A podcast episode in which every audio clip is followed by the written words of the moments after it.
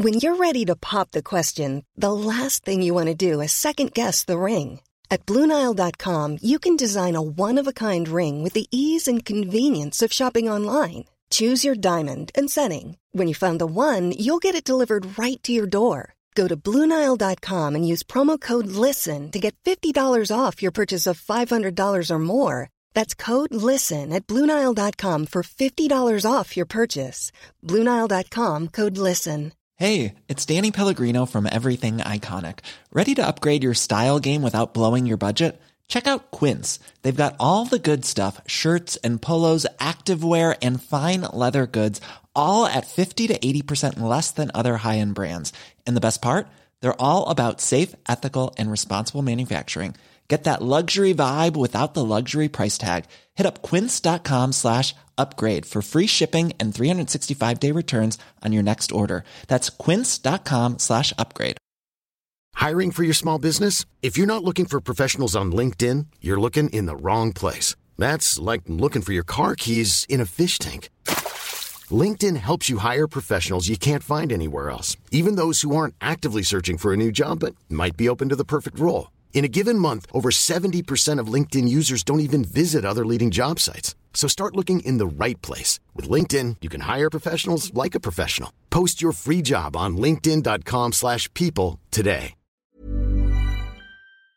Palmemordet avsnitt 300 del 2 Sveriges statsminister Olof Palme är död. 90 000. Ja, det är mord på Sveavägen. Hörde de säger att det är Palme som är skjuten. Mordvapnet med säkerhet är en Smith Wesson, en revolver kaliber .357. Inte ett svar. Det finns inte ett svar. För jag har inget och jag har inte mördat Varför skulle jag Polisen söker en man i 35 till 40-årsåldern med mörkt hår och lång mörk rock. Då kör vi igång med eh, frågorna. Och då kan vi börja med frågorna till Gunnar då. Ska vi ta varannan Tobias, eller? Ja, men det kan vi göra. Då Gunnar, den första frågan som kom in här är från Erik Kjellander. Han frågar om du satt med i polishuset den 1 mars 1986 och Hans Holmér bad dig om ett råd angående utredningen. Vilket skulle det vara? Ja, eh, jag skulle råda honom att avgå. Mm. ja. Ja. Det är väl ungefär det jag har att säga. Jag tycker inte han var lämplig som spaningsledare.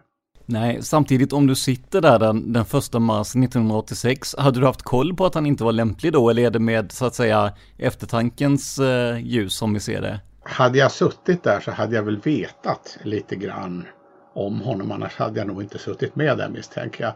Och, eh, och jag hade nog räknat med i det läget att han inte var intresserad av några råd ifrån utomstående överhuvudtaget. Eh, utan, eh, utan vad jag än hade sagt, om jag hade föreslagit du ska väl tänka på att vara allsidig Hans eller någonting sånt där. Det hade ju han struntat i. Så att, så att det råd jag gav honom skulle han ju inte heller ha följt naturligtvis. Så det blir lite hypotetiskt. Ja, det är sant. Mm. Men om det skulle vara ett råd så skulle det vara att du kanske inte är riktigt rätt här. Nej, och så skulle jag, alltså, alltså om jag skulle gett honom någon sorts råd skulle det varit att han ska se till att respektera åklagarnas ställning i utredningen. Han eh, skulle se till att vara allsidig och eh, han skulle framförallt innan han åtog sig uppdraget fråga om han var intresserad av att få fram sanningen eller inte. Om han inte var det så borde han frånträda. Och så tror jag att det var. Nästa fråga är mer av en teori och den kommer från Ellen. Och den är riktad till Gunnar och vi andra. Den lyder som följer. Christer A. GH var den som sköt Palme. Men han var inte den ensamme galne gärningsmannen. Han rekryterades av baseballpoliserna. Ja, Sydafrika var förstås också inblandat och kanske har vi motivet där. Dessa poliser, som var medlemmar i Stockholms försvarsskytteförening, hade fått ögonen för Christer som ju var den absolut bästa skytten i en skytteklubb i samma område. Christer hade ju vunnit skyttetävlingar både 81 och 85, där vad jag förstår. Han var ensam, udda, extremt duktig skytt, en klockren person att rekrytera för att mörda Palme. Naturligtvis borde poliserna känt till honom, oavsett om denna teori stämmer eller ej. Jag tror också på mötesscenariot. Palme hade stämt träff med någon men det var Christer A han mötte. Christer var en speciell figur som inte hade förtroende för myndigheterna, så varför skulle han tjalla? Han utlovades eller fick pengar för detta förutsätter jag och han var ju uppenbarligen intresserad av pengar med tanke på hans aktieaffärer. Han gillade inte Palme och betedde sig märkligt efter mordet. Han ägde det enda lagliga vapen som inte har provskjutits. Han tog livet av sig när polisen kom och knackade på. Ja, allt det där vet vi ju. Två teorier än alltså. Polis slash militär slash Sydafrika och så rekryterar dessa poliser som var inblandade Christer A. Vad tror du Gunnar? Är jag helt ute och cyklar eller är jag något på spåren? Jag tycker det är lite skoj men jag undrar på riktigt också. Vad tror Gunnar? Eller är jag helt ute och cyklar? Ingen kan förstås veta, det fattar jag. Ja, det var imponerande ihopsnickrat, det måste jag säga. det kom ju med ganska mycket där. Eh, en invändning som slår mig är ju att eh, om Christer A skulle ha rekryterat så borde han inte använt sitt egna registrerade vapen. Och om han inte använde sitt egna registrerade vapen så borde han ju ha lämnat in det för att bli testat och provskjutet. Så att eh, det, är väl, eh, det är väl kanske den mest uppenbara invändningen som slog mig. Eh, i övrigt så kan man säga att innan vi vet vem eller vilka som har gjort det så ska vi vara väldigt öppna naturligtvis. Men det finns ju andra slående hypoteser också. Någon annan som vill kommentera? Ja, alltså det, det innehåller väl, det, jag tycker att Gunnar Wall sammanfattar det ganska bra. Det innehåller lite smått och gott från lite olika teorier och det, någon, någonting i det där är säkert rätt. Jag vet inte vad. Något är kanske inte alls rätt. Jag vet inte riktigt vad jag ska säga. Jag är lite emot eh, snickrande av teorier sådär. Eh, det är inte riktigt så jag jobbar. Jag är fortfarande en sån som står kvar på, på mordplatsen till mångt och mycket. Så då. Men jag säger väl samma sak då. Vem vet egentligen? Jag har ingen aning. Eh, men jag ser väl inte Christer A som någon person heller direkt som någon ingår i något större utan jag ser honom mer eh, som han är beskriven i gärningsmannaprofilen som en ensam person då i sådana fall. Så att, jag har sagt mycket nu men i övrigt passar jag. Christer kunde ju faktiskt samarbeta med folk i, i skytteföreningen.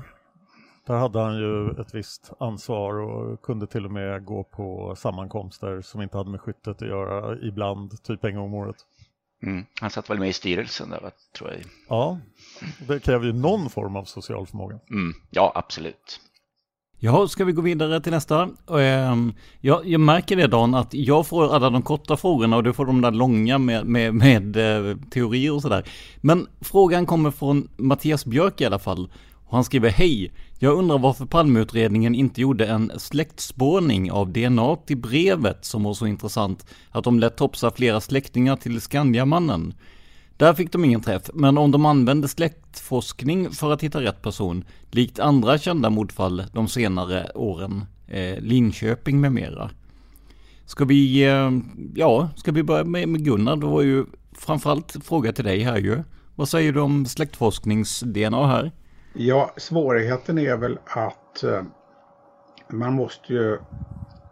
Ja, alltså det, det är ju i den utsträckningen man kan få fram DNA som redan finns i några, några arkivregister. och sen gäller det ju då, antar jag, rent lagligt att eh, få tillstånd att använda det i utredningen. Och jag tror att eh, det, det, det är väl en del restriktioner på i vilken utsträckning polisen kan göra det.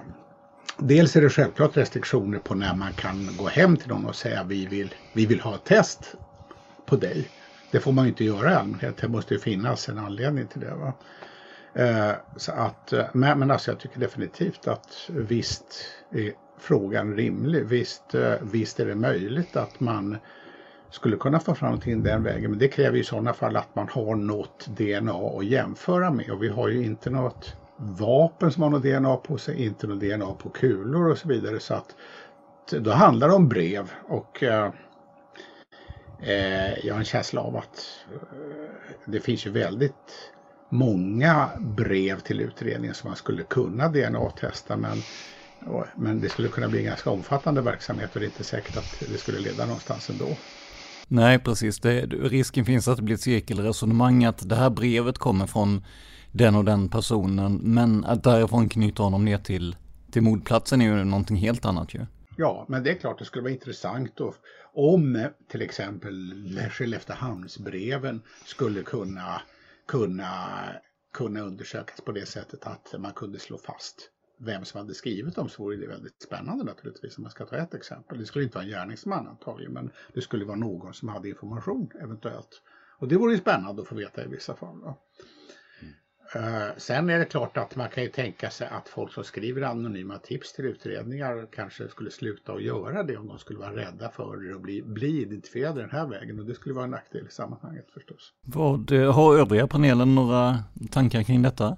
Mm. Jag tänker nu klev jag in här David, ursäkta, men eh, just det här aktuella eh, brevet eller aktuella breven som frågeställaren menar på, det är väl de här bekännelsebreven som var postade i Norrtälje. Och när man grottar lite i det där så ser man ju faktiskt att eh, DNA-analyser eh, har gjorts där man då eh, också försökte göra en jämförelse med eh, Skandiamannens eller Stig Engströms DNA.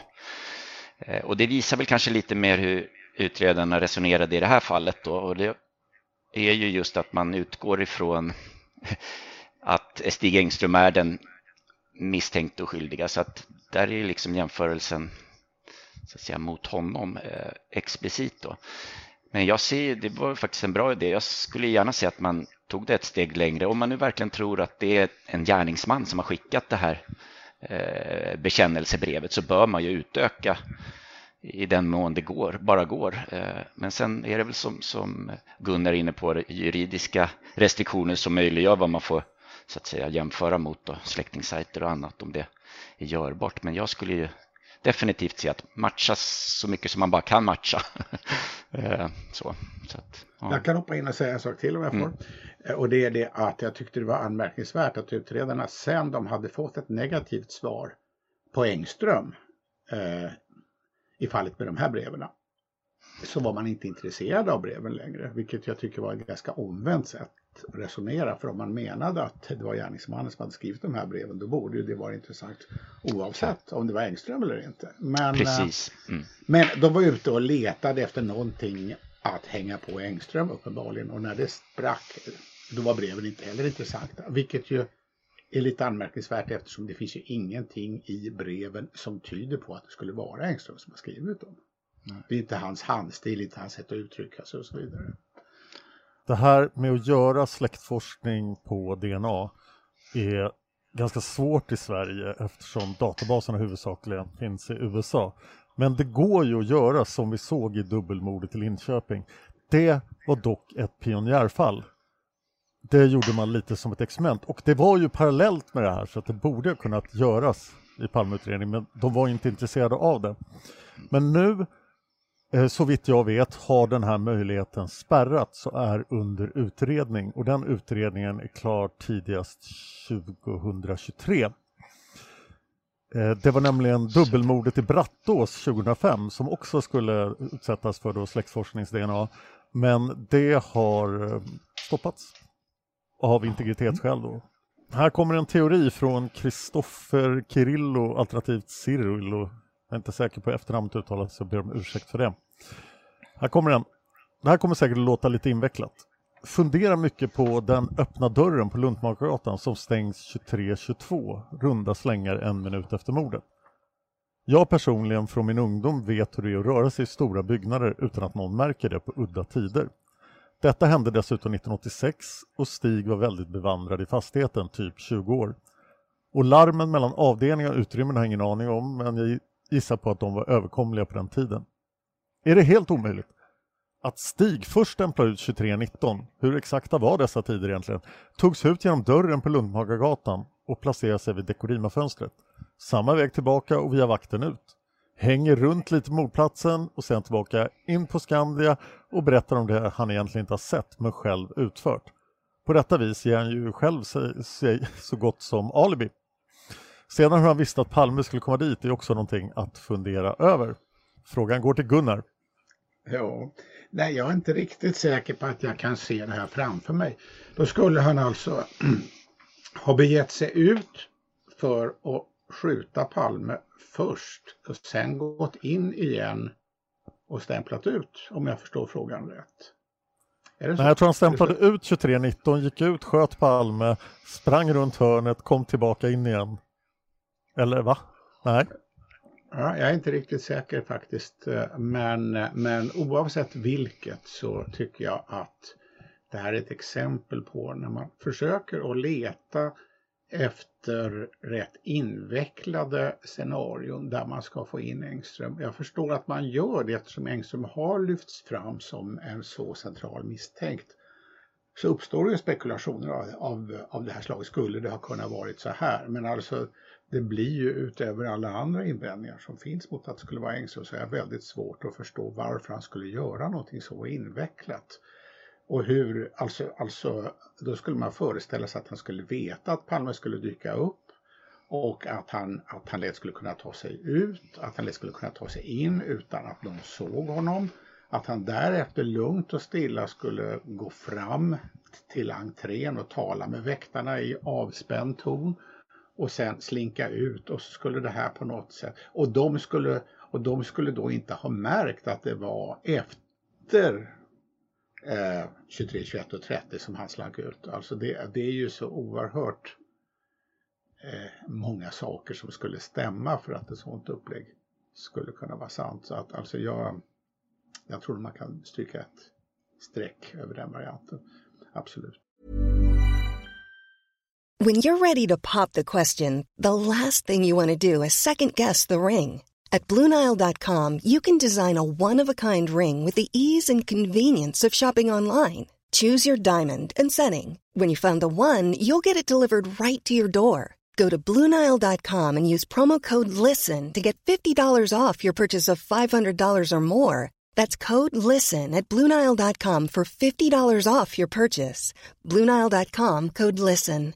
If you're looking for plump lips that last, you need to know about Juvederm lip fillers. With Juvederm Volbella XC and Juvederm Ultra XC, your lip look, whether it's subtle or bold, can last up to one full year with optimal treatment and no additional maintenance. Find a licensed specialist and see if it's right for you at juvederm.com today. That's J U V E D E R M.com. Add fullness to lips in adults over 21 with Juvederm Volbella XC or Juvederm Ultra XC. Do not use if you have severe allergies or a history of severe allergic reactions, or if you're allergic to lidocaine or the proteins used in Juvederm. Tell your doctor if you have a history of scarring or taking medicines that decrease the body's immune response or that can prolong bleeding. Common side effects include injection site redness, swelling, pain, tenderness, firmness, lumps, bumps, bruising, discoloration, or itching. As with all fillers, there's a rare risk of unintentional injection into a blood vessel, which can cause vision abnormalities, blindness, stroke, temporary scabs, or scarring. For full important safety information, visit juvederm.com.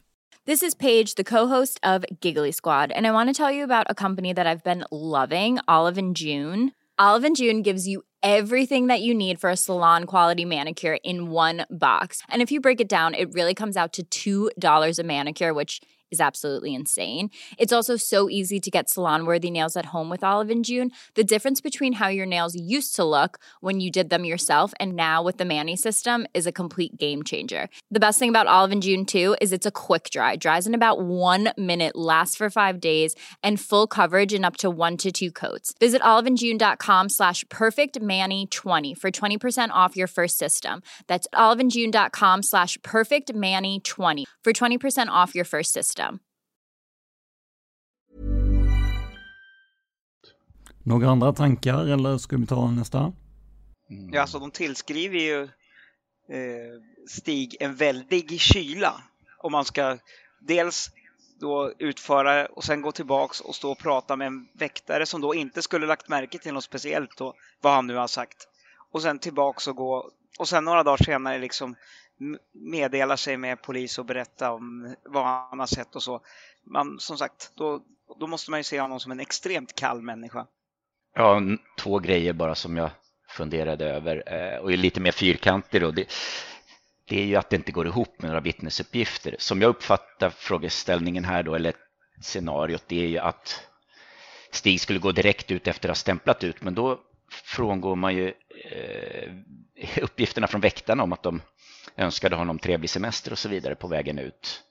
Och det andra är ju att vi har Lars J då på, på eh, Luntmakargatan, Tunnelgatan som inte ser någon springa fram och tillbaks där, eller ja, åtminstone tillbaks rättare sagt, utan han ser ju den flyende gärningsmannen som springer rakt upp för trapporna. Så att det är de två problemen jag ser. Eh, och framförallt det som Kristoffer själv tar upp här, just hur vet han att Palme skulle komma just dit till eh, Dekorimian-fönstret?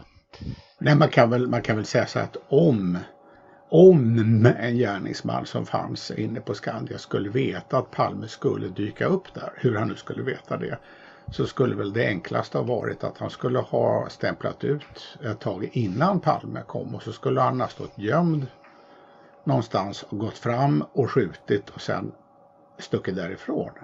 Det här blir ju en väldigt, väldigt invecklad operation som den här frågan skissar på. Kristoffer får fila lite på den där och komma tillbaks.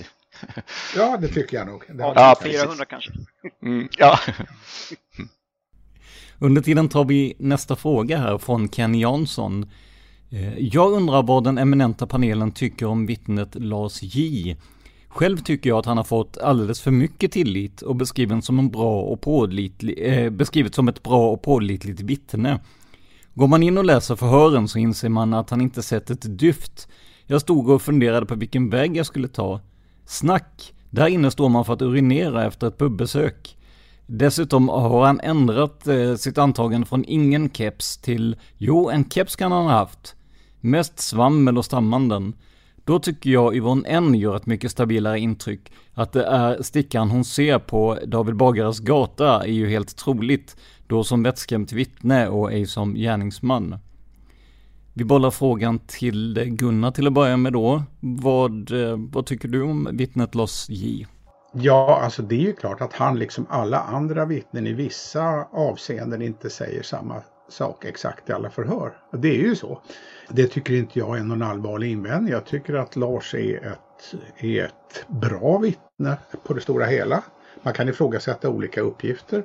Men eh, vi har ju, alltså vi har ju ändå det att han, han säger att, att han såg någon som föll. Han såg liksom eh, en skymt av mordet ifrån där han stod så att säga. Han såg en person som sprang förbi som han hade anledning att tro var gärningsmannen. Och han begav sig av efter gärningsmannen och det finns ju stöd för det.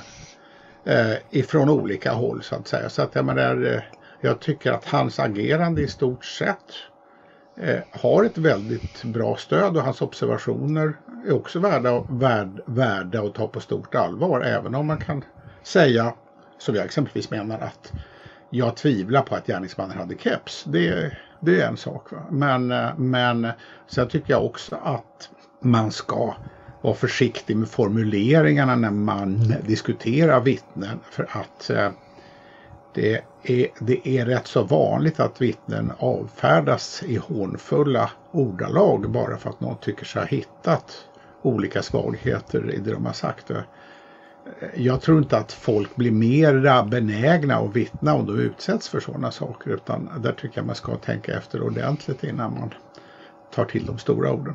Panelen, David, eh, har du någonting att säga om detta?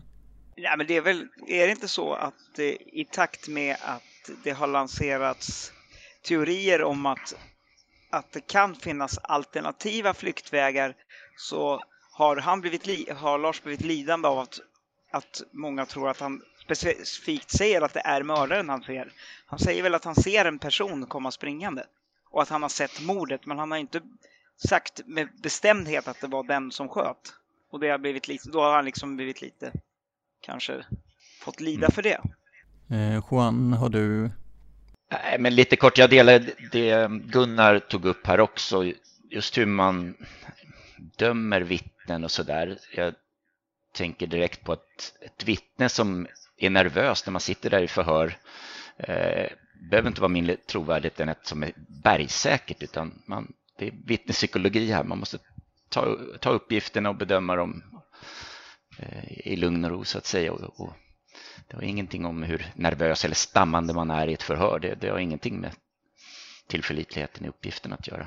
Så det är väl det jag skulle vilja tillägga där. Då. Jag hoppas att Ken kommer att påverka kvadratmeterpriserna på Luntmakargatan nu när han har förvandlat hela Luntmakargatan till en pissoar. Så kanske går ner någonstans från 120 000 kvadraten till mer hanterligt. Ja, oväntade, oväntade förändringar som vi gör ibland i podden, uppenbarligen. Jag, jag hade ju förmånen att äh, träffa vittnet Lars på Palmevandringen 2019 och 2020 och äh, kolla av lite av hans uppgifter och, och, gå vandringen med honom. Och Ja, jag tycker han är ett väldigt... Han gör ett väldigt bra och pålitligt intryck. Det behöver ju inte betyda någonting heller, precis som Juan sa, men eh, äh, jag, jag tror att han är väldigt ärlig i sina uppgifter. Det känns ju inte heller som en person, i alla fall vad jag fick intrycket av, som söker uppmärksamheten eh, väldigt mycket. Det är ju ingen eh, så Stig Engström typ som är ute i, i eh, media och ska, eh, ja men, eh, rättfärdiga sina uppgifter och så vidare. Det känns ju ändå som att han har hållit en, i alla fall något lägre profil och han, han ja, han, ja, men han gör ett, jag tycker han gör ett, ett, ett, intryck i alla fall då som är såväl sympatiskt som, ja men lite tillbakadraget så här. Så jag tror inte att utifrån någon form av ja, personkännedom så tror jag ju inte att det finns någon egen vinning i alla fall i att ändra på uppgifterna. Jag tror ju mer på att man kan känna sig pressad och nervös när man sitter i förhör, precis som ni sa innan. Då går vi vidare till nästa. Det är en teori från Martin Go Alsrup. Han säger Hej! Jag undrar vad Gunnar Wall anser och vad han vet om uppgifterna som gör gällande att Sovjet hade förkännedom om mordet, detta enligt Säpo. Jag har läst några poster på Gunnars blogg och tycker det är ytterst intressant. Före detta diplomaten Bo Teutenberg har även berättat en del kring mordet i videor på Youtube och i sin bok Dagbok från UD. Vad anser Gunnar om uppgifterna som har kommit fram? Om Sovjet kände till mordplanerna före mordet skedde så är den ensamma galningen inte tänkbar som gärningsman. Varför blev uppgifterna sekretessbelagda? Gäller sekretessen fortfarande? Jag tycker det verkar mystiskt hur centrala uppgifter som den här, som dessutom enligt Säpo själv skulle tyda på att Sovjet åtminstone kände till mordet i förväg, bara kan försvinna och gå upp i rök både på Palmeforum och i media. Mm, ja, det där rör sig ju Eh, i huvudsak om eh, avlyssning av en sovjetisk ambassadtjänsteman som hette Nesjinskij. Eh, avlyssning skulle ha skett före Palmemordet och vid tiden för Palmemordet överhuvudtaget. Och eftersom han var diplomat så finns det internationella överenskommelser som säger att man får inte avlyssna diplomater. Vilket innebär att när Sverige gör det så låtsas man inte om att man har gjort det. Och därför så har man hemligstämplat alla uppgifter av det slaget. Och där står det fortfarande. Eh, det som, eh, det som har kommit fram är att man inom Säpo gick igenom eh, bland annat avlyssning av hans hem när han talade med sin fru. Och att han skulle ha gett intryck av att han kände till någon sorts händelser som skulle ske. Att han alltså före mordet skulle ha sagt någonting som lät som om han hade kunskap om något som skulle ske. Exakt vad han har sagt, det vet vi alltså inte. Eh, man får komma ihåg att Säpos uppgifter i sådana här sammanhang är ju att spekulera, eh, att hitta hotbilder, att hitta mönster som de ska försöka göra någonting av och att man ofta Eh, gå väldigt långt i de spekulationerna. Det var ju så i de här samtalen med PKK-aktivister med om bröllop och sådana saker som man analyserar fram och tillbaka och spekulerar om så att säga. Och övertolkade orimligt så jag menar. Och här här har vi kanske ett annat exempel på det. Men jag skulle dessutom vilja lägga till att om Nijinsky som ska ha varit KGB-man, eh, om han hade kunskaper om Palmemordet eh, Eh, i förväg, eh, så har jag väldigt svårt att tänka mig att han skulle varit så dum så att han antydde det för sin fru i sin egen bostad då han ju måste ha räknat med att han var avlyssnad. Så att eh, det man kan spekulera om är ju att han eh, att han förde samtal med sin fru som i efterhand väckte frågor och som kan ha handlat om ungefär vad som helst naturligtvis. Någon form av hemliga aktiviteter men som inte var så väldigt alarmerande känsliga. Och man kan ju också tänka sig naturligtvis att han på olika vägar hade fått höra att det skulle hända någonting till helgen. Den 28 däromkring så att säga. Men att han inte visste vad. Jag har liksom föreställt mig, och nu är jag spekulativ här, att hans fru har sagt att Örre Vladimir kan inte vi åka på någon rolig utflykt i helgen?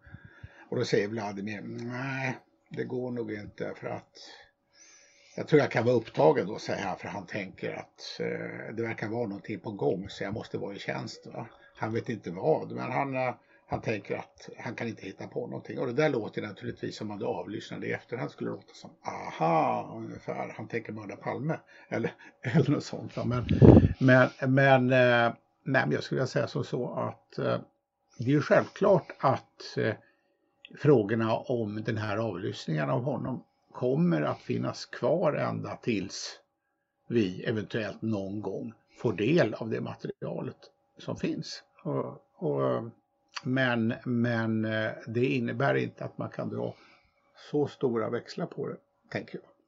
Någon annan i äh, gänget här som vill kommentera det eller? Jag kan säga att äh, Bo Teutenberg och Dagbok från UD är ett spår på Patreon så vi kommer att gå djupare in på det i framtiden. Jag tänkte fråga Gunnar bara om du har mm. några åsikter om Teutenberg och hans bok? Eh, det är ju fem tjocka böcker. Eh, så att eh, egentligen, dagbok från UD, eh, på sammanlagt flera tusen sidor. Jag har bara läst delar av det. Jag tänker fördjupa mig ytterligare i det.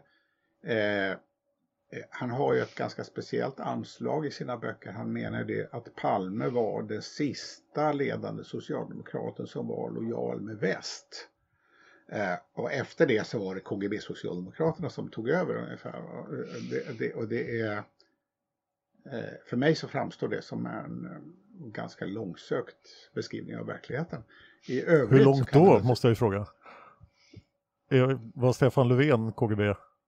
jag vet inte om han har specificerat det utan det jag har hittat är den här allmänna översiktliga beskrivningen av ungefär så att han, han vill ha det till att Palme stod på den västliga sidan. Han var okej okay, så att säga men att andra som, som var allierade med öst hjälpte till att sopa igen spåren efter mordet. Det, det är ungefär hans upplägg. Eh, och eh, det där tror jag inte på. Men han kan ju ha intressanta saker att säga ändå. Absolut. Innan vi går in på nästa fråga här så eh, vi fick en del kommentarer när vi skrev att Gunnar skulle vara med i panelen och då var det bland annat följande reaktioner. Ja, med stora bokstäver. Wall for förundersökningsledare. Wall, Lynning och Esposito är lika med Dream Team.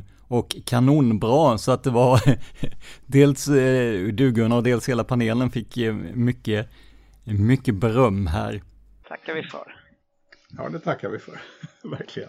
Kul, kul. Sen hade vi själva frågan då, som kommer från Joakim Öhman. Vad har Gunnar för syn på det så kallade polisspåret idag? Polisman Ö, G och så vidare. Ja, alltså man kan ju mena olika saker med, med det. Man kan ju mena olika enskilda spaningstips som man kommit in och man kan ju mena teorier om att det skulle vara en större konspiration med poliser inblandade. Och det finns ju väldigt mycket som ryms under den hatten och en del av de sakerna är det fortfarande frågetecken omkring och eh, alltså man kan väl säga så här att, att om, om mordet var organiserat så är det, är det inte orimligt att tänka sig att det kan ha varit poliser inblandade. Det betyder inte att det var polisen som var inblandad i sådana fall naturligtvis. Eh, så att, no, nej, men det finns mycket inom det som jag tycker att uh, finns anledning, anledning att titta vidare på. Eh, på samma sätt som det finns andra infallsvinklar som man också måste titta vidare på. Panelen i övrigt, eh, David, Juan, några, några tankar kring eh, polisspåret idag? Jag håller med helt vad Gunnar säger. Jag tycker också att det, det jag har ju ofta, eller det har jag intresserat mig mycket för just polisspåret och det, det är mer ju mer tid som har gått så är det mer så att det är saker som inte är utredda och det är saker som står med frågetecken snarare än att man själv ser liksom en kan se en klar polisiär konspiration och att liksom gå ut och leta efter någon möjlig gärningsman eller så. Men däremot finns det som sagt väldigt mycket som står med frågetecken. Ja, nej, jag, här, jag står ju kvar på mordplatsen som sagt var. Eh, så då, men jag, jag, håller med, det finns jättemånga frågetecken eh, kvar. Eh, Polisman Ö hade ju också dessutom eh, kulor av samma typ. De tror jag förvisso man testade och så och kunde med hjälp av blyisotopanalys då konstatera att det inte var släkt med mord, eh, mordplatskulorna då, eller mordkulorna. Eh, så då. Men det finns ju säkerligen fler frågetecken, men det är ganska långt ifrån där jag står. Eh, så, så att... Där kan jag flika in det sista bara. Det var faktiskt jag som informerade Hans Ölvebro om att, eh, att tullen hade hittat en kula visade sig som var av samma typ som Sveavägskulorna. Eh, och jag undrade om om det testats och Överbro sa nej men sån har de inte hittat. Jo det har de visst det, sa jag och sen skickade jag över handlingar ifrån tullens utredning och eh, han fick höra av sig till mig sen och sa tack, det har du rätt i ungefär. Sen så skickades den kulan på testning till eh, SKL som det hette då, alltså NFC idag. Och där fick jag del av uppgifter sen när jag försökte följa vad som hände som lät, alltså som gick ut på att det hade skett förväxlingar av kulor i samband med test. Men jag fick aldrig några exakta svar. Och, eh, jag har ju också fått besked att det inte har gått att knyta den här ja, kulan till eh, Sveavägen vad gäller isotoperna då. Men alltså det betyder att eh, kan man säga så här att, att jag är inte riktigt säker på någonting där och jag, jag vet inte hur stora, hur stora slutsatser man ska dra av det. Man ska komma ihåg också att i Ös bostad och kontor och bil överallt i köket och var som helst fanns det alltså massor med ammunition och vapen så att eh, man får vara försiktig i slutsatserna där också förstås. Jag vill understryka att eh, polisman Ö som jag nämnt här alltså är polisman A som vi har benämnt honom i podden. Det stämmer, de har alltså olika benämningar när Lars Borgnäs gjorde sina reportage när han kallades för Ö och i granskningskommissionen som vi utgår från där han kallas A. Nästa fråga kommer från Jonny Reinhed. Han säger att Gösta Söderström in i döden vidhöll att de officiella tiderna för när larmet gick ut och när han kom till motplatsen är felaktiga känner de flesta till. Liksom att han på grund av detta var illa ansedd av många kollegor. Men vet Gunnar om Göstas kollega Ingvar W också höll fast vid de alternativa tiderna lika ihärdigt? Om ja, påverkade det hans karriär? Nej, det enda jag vet är det att han, han gav ju sitt stöd åt Gösta Söderströms uppgifter eh, men han gick ju inte ut i offentligheten och stred för det. Eh, och vilken betydelse det kan ha haft för hans karriär, det kan jag inte uttala mig om. Eh, I övrigt så kan jag säga det att frågan om tiderna är ju lite mer komplicerad än bara antingen är den officiella tiden rätt eller också så har Söderström rätt för att i Putjanens utomordentligt intressanta bok så kommer ju de fram till att det är mycket som pekar på att den verkliga tiden för områdeslarmet låg efter den officiella men inte så sent som Söderström hävdade. Och det, och det väcker ju naturligtvis i sin tur frågor om vad kan ha orsakat en fördröjning på ledningscentralen och varför ville man i sådana fall eh, i efterhand ändra på uppgifterna så det inte skulle synas att det hade skett en fördröjning. Alltså det är fortfarande relevanta frågor tycker jag. Så att jag tycker att eh, det var viktigt att Söderström tog upp det där om tiderna. Sen så tror jag också att sex minuter som han hävdar, alltså han hävdar ju att, att larmet gick ut sex minuter efter den officiella tiden, säga 23 och 29 istället för 23.23. 23. Där tycker jag att den sammantagna bilden av händelseförloppet pekar ganska tydligt på att jag tror att han hade fel. Får jag flika in där? Eh, för det är precis det som är grejen och kopplingen till den här eh, eh, tiderna med Yvonne Nieminen, alltså avsnitt 122 som var mitt första avsnitt och det mest komplicerade här som jag tänkte försöka förklara lite kort vad det här egentligen innebär. Och det är ju det att skulle Göstas ankomsttid till mordplatsen vara 23 29 00 det skulle betyda ja, lite slarvigt då att Lars J har stått och väntat på Tunnelgatan i över fem minuter innan han ger sig av. Och nu ska jag försöka förklara det lättförståeligt. Eh, allting handlar om piké 3230 som också tar upp jakten på gärningsmannen sen som ah, ja, ah, anländer till mordplatsen lite senare än vad Söderström gör. Eh, men om vi tänker oss att eh, gärningsmannen har sprungit förbi och Lars J står där och väntar. Det som händer sen då om vi går baklänges när Piqué 3230 har anlänt, det är att de springer in på mordplatsen, eller i, i, på Tunnelgatan, förbi mordplatsen in på Tunnelgatan. De möter vittnet Yvonne N längst ner. Hon har en minut innan det mötet varit vid toppen av trappan eh, och där har hon då mött Lars J.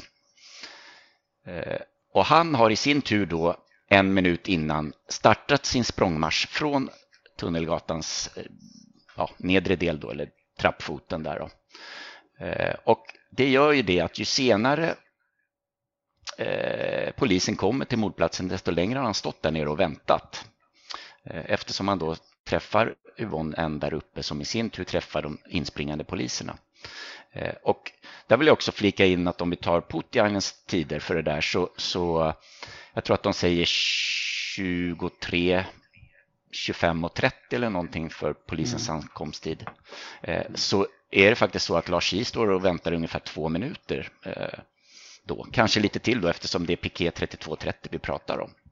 Så att för min del så, och det är ju någonting som vi kom fram till, det blev liksom slutsatsen när vi pratade om, om om en hade sett gärningsmannen eller ej. Det var egentligen, resultatet blev istället det här att det, polisens ankomsttid står i direkt eh, eh, koppling till väntetiden för Lars, Lars J där inne på Tunnelgatan.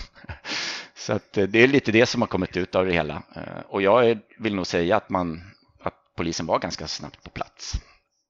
Utifrån det, för jag ser inte, någonstans går väl gränsen för hur, hur länge Lars J står och kan vänta där eh, nere innan han tycker att nu är loppet kört och, och gärningsmannen är alldeles för långt borta. Så att, jag vet inte om det gick lite snabbt där eller om jag fick fram fick fram avsnitt 122 här på 30 sekunder eller en minut. ja, så, men det är min syn på det hela. Eh, och jag tycker synd om Gösta, Gösta Söderström här faktiskt som tog rygg lite på privatspanarna där som med öppna armar tog in honom i sitt gäng då, men det är väldigt synd. Hade man kunnat visa det här för honom så hade han också kunnat betvivla sin egna uppfattning om tiden. Jättesynd faktiskt. Jag vill bara flika in här. Jag mm. tror inte att Lars behöver ha stått i två minuter för att Putjainens eh, beräkningar ska stämma. För att det det handlar om är alltså att Gösta Söderström skulle ha kommit fram då eh, ja, alltså ungefär en, kanske en halv minut efter att område, områdeslarmet gick ut så att säga. Mm. Och, eh, och det som hände sen var ju då att sen kom ju då 32.30 strax efteråt. De poliserna beger sig upp för trapporna. Och där mm. tar det ett tag innan de möter Lars. Så att säga. För Lars har ju alltså hunnit gå ner David Bagares gata ganska långt och mött mm. bilen 1520 som åkte förbi honom. Och sen har han vänt om och gått upp. Mm. Så att eh, alltså jag kan mycket väl tänka mig att Lars kan ha att det där ryms inom att Lars kan ha stått i kanske en minut och väntat eller någonting sånt där. Mm. Och mm. alltså vi får tänka på att han gav sig inte av förrän gärningsmannen, om det nu var gärningsmannen, inte syntes längre så att säga. Eh, så att, eh, ja jag vet mm. inte, jag tycker att jag tycker man kan tänka sig en viss försening i tiderna utan att Lars behöver ha stått där så hemskt länge och väntat. Jag får återkomma och försöka okay. visa. det är bra. Jättebra. Du kan. Ja. ja. Eh, jag, jag, tänkte det David, du har ju pratat med Gösta Söderström. Hur, eh, vad, är, vad är ditt intryck av det här med, med tiderna och hur det påverkar honom? Ja, alltså ja, som det har framgått när ni pratar om det nu och i alla fall så han var ju, han var ju helt stensäker på att hans tider stämde. Eh, men eh, jag ser det ju mer som att han verkligen ville påvisa att det faktum att det är någonting som inte stämmer. Men det var ju synd att han hängde upp sig så mycket på just de här tiderna som man ju kan påvisa att det kanske inte stämmer. Nej. Men han gav ett han, jättetrevlig, jätteintressant och så här i efterhand nu så är det ju väldigt spännande att ha fått intervjua honom. Det här var allt från panelen för den här veckan, men vi är tillbaka nästa vecka med resten av era frågor. Om du vill komma i kontakt med oss, använd e-postadressen podden Palmemordet gmail.com Alltså podden Palmemordet i ett ord gmail.com Stort tack till alla som bidrar med tips, sponsring och mycket annat.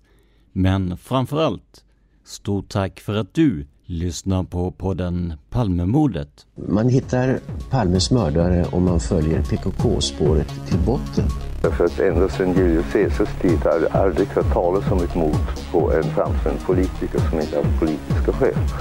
Polisens och åklagarens teori var att han ensam hade skjutit Olof Palme. Och det ledde också till rättegång. Men han frikändes i hovrätten.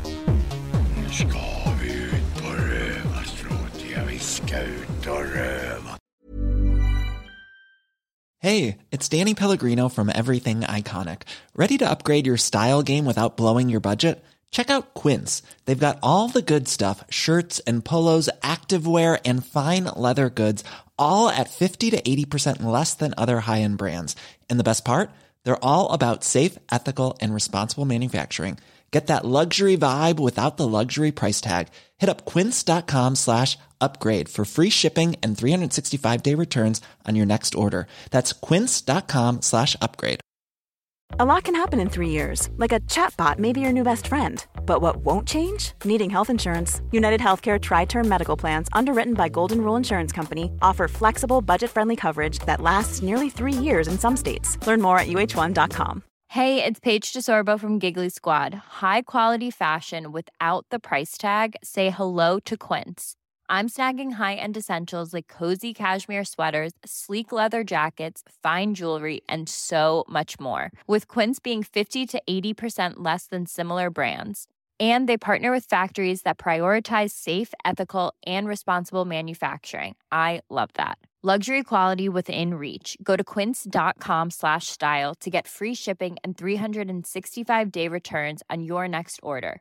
Quince.com slash style.